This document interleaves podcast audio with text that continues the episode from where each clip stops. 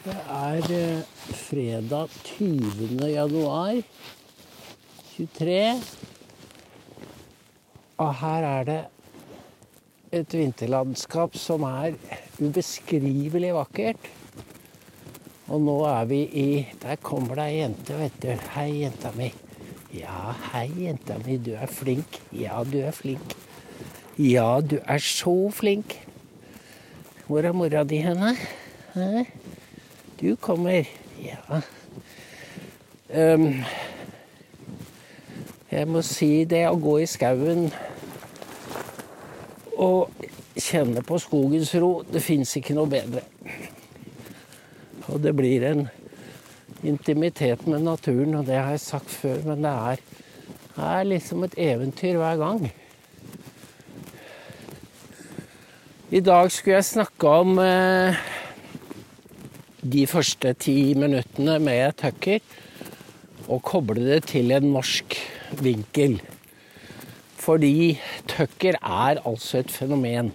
Ikke det at ikke andre er like modige, men det som gjør han så spesiell, er at han klarer å tenke nye tanker.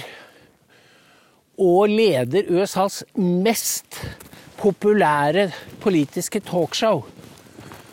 Det er spesielt. Fordi når han kommer med dristige hypoteser, så har de vært klarert i den juridiske avdeling. Han kan ikke bare sitte ute på landet og si hva han vil. Det må klareres. Og i natt så sa han altså at CIA og det som kalles Han brukte uttrykket 'permanent Washington' er de som har drept Kennedy, John F., i 63, som avsatte Nixon i 73, ti år senere, og som siden har styrt USA og fjernet de menneskene som de ikke liker eller stoler på. Og en av dem var altså Trumps nasjonale sikkerhetsrådgiver, Michael Flynn. Han satte de inn alt på å knekke og få han fjernet. Og de brukte altså mafiametoder. Rett og slett mafia. Det de gjør, det de gjør som i et totalitært samfunn, det er at prosessen er straffen. Dette har en FBI-agent som hoppet av sagt at er hensikten med å sende 30 FBI-folk med vester og våpen, dragende våpen, inn i stua til en religiøs familie med åtte barn. Det er for å skremme livskiten av dem. Og så tar de med faren. Det var jo det de gjorde med han. Hva var det han het da? Hauk? Mark Hauk, eller I Pennsylvania. Og det har jo vært mange sånne. Og de som blir hentet pga. 6. januar, de, da slår de inn døra, så sier folk klokka seks om morgenen, så sier folk men døra står jo oppe. De drar jo helt opp i Alaska. Spiller ingen rolle. De skal skremme deg.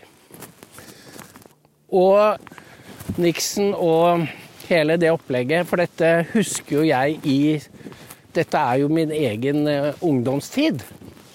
Og så forteller Tucker at CIA-sjefen Richard Helms var på besøk hos Nixon. Og dette var fire dager etter innbruddet i Watergate-bygningen.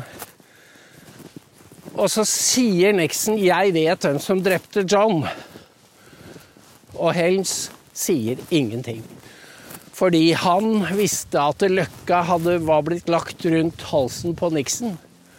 For fire dager tidligere så var det innbruddet, og av fem Av fem De ble kalt rørleggere. Av fem, av fem var fire CIA-agenter. Så de hadde full kontroll med hva som skjedde, og det var ikke, deres, det var ikke Nixons idé at de skulle gjøre det. Det vet vi. Så det var en Det var en setup. Og Bob Woodward, som er blitt heroisert for All the President's Men, det var også en setup, for han fikk all informasjonen direkte fra den fungerende sjefen for FBI, Mark Felt. Jeg leste meg opp på dette her i dag, og det var jo en, en utrolig historie, fordi vi vet at Herb, Herbert Hoover var jo et, en legende. Og han samlet kompromitterende materiale om absolutt alle han kunne komme over. Og disse 17 000 sidene, de fikk, de fikk markfelt Mark Felt av sekretæren til Hoover. Og omverdenen fikk vite at dette hemmelige arkivet var destruert. Det er jo sånn du bygger et hemmelig, et hemmelig politi. Og han var det som da forsynte Woodward og Bernstein med informasjon om etterforskningen. Ja, dette kan dere lese, jeg har skrevet om det i dag. Men det er Og det gjør at komplottet mot Trump fremstår i et helt annet lys. Fordi når du vet Unnskyld uttrykket. All faenskapen som CIA har holdt på med. Og det som er her møte, Hva skal jeg si? Dette er litt sånn møte med milepælen, fordi venstresiden 60-70-tallet eh, demoniserte jo CIA. At de smuglet eh, heroin ut av Laos i, eh, døde kropper og masse sånne historier. Drev bis, altså business i, i businessen. Så, og sto bak kupp i Chile osv. Så, videre. så venstresiden laget dette bildet av Sea. Og så viser det seg at det, er jo det de gjorde hjemme, på hjemmebane, som er det verste. Og hvis dere følger med på sosiale medier, så vet dere at det er millioner av amerikanere som har ant intuitivt at det var Det var altså sikkerhetsstaten som drepte John F. Kennedy, og at de stjal valget i 20 fordi de mista det i 2016. Og som uh, Tucker sier det er jo ingen som har valgt disse folkene. Men de tilta, tilriver seg retten til å avsette folkevalgte. Og Nixon er altså den mest populære. Det er ingen som har vunnet med større forsprang til taperen til nummer to. 17 millioner stemmer. Og det er jo i det perspektivet man må forstå at Joe Biden som satt der og lalla nede i kjelleren sin Det er ingen som tror at han fikk 81 millioner stemmer. Og det sa også Det sa også Will Kane. At alle vet at det var et uredelig valg. Var ikke fair play. Det vet alle amerikanere. Men norske seere og lesere og lyttere, de vet ikke. Fordi norske medier er enda verre enn de amerikanske. Fordi de enda, gjør seg enda dummere. Og da er jo spørsmålet hvor, hvor liksom du går over til å tro din egen propaganda. Og da er det da er jeg over på den norske historien, fordi jeg snakket med en norsk redaktør i dag. Jeg kan ikke si hvem det er, og det ville være uredelig.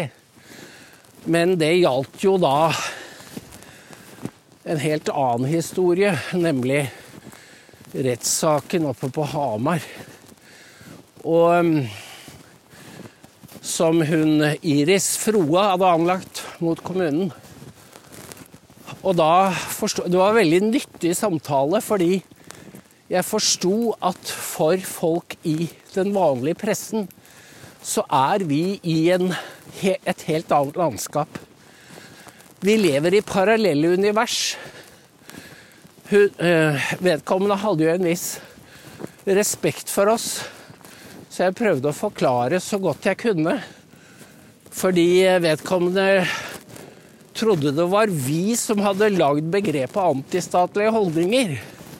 Og at vi nærmest skrøt av at vi hadde det. Og så sa jeg dette var jo en ironisering over noe Hans Sverre Sjøvold.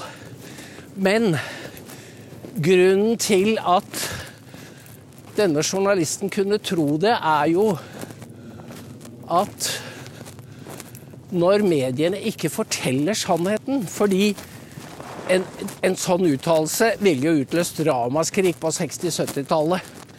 Hvis sjefen for PST den gang het Pott, hadde begynt å snakke om at folk på venstresiden hadde antistatlige holdninger, da hadde det blitt ramaskrik. Og med full rett. Men i dag gjør det ikke det. Fordi mediene mener at de har antistatlige holdninger. De fortjener å bli overvåket. Så nå er det ikke noe sånn eh, vi vil se mappa vår. Tvert imot. Og det får du ikke journalister til å innrømme. At de har snudd 180 grader.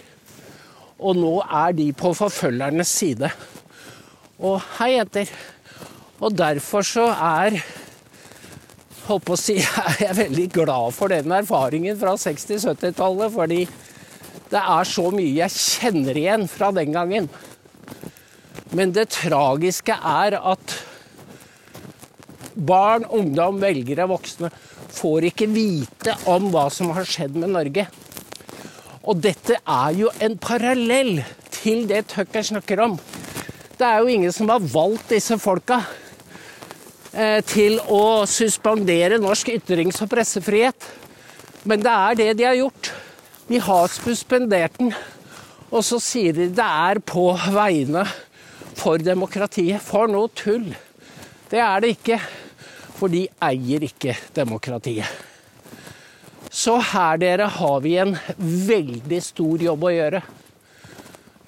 Å forklare folk. Og vår fordel er jo at vår historie henger sammen. Derfor er det arbeidet som Alfar Jacobsen gjør, også om den kalde krigen og Arbeiderpartiet, så viktig. Husk at Husk da Grete Farmo sto i Stortinget under Jagland som justisminister og sa at hun hadde vært utsatt for et røvertokt, for hun måtte gå av.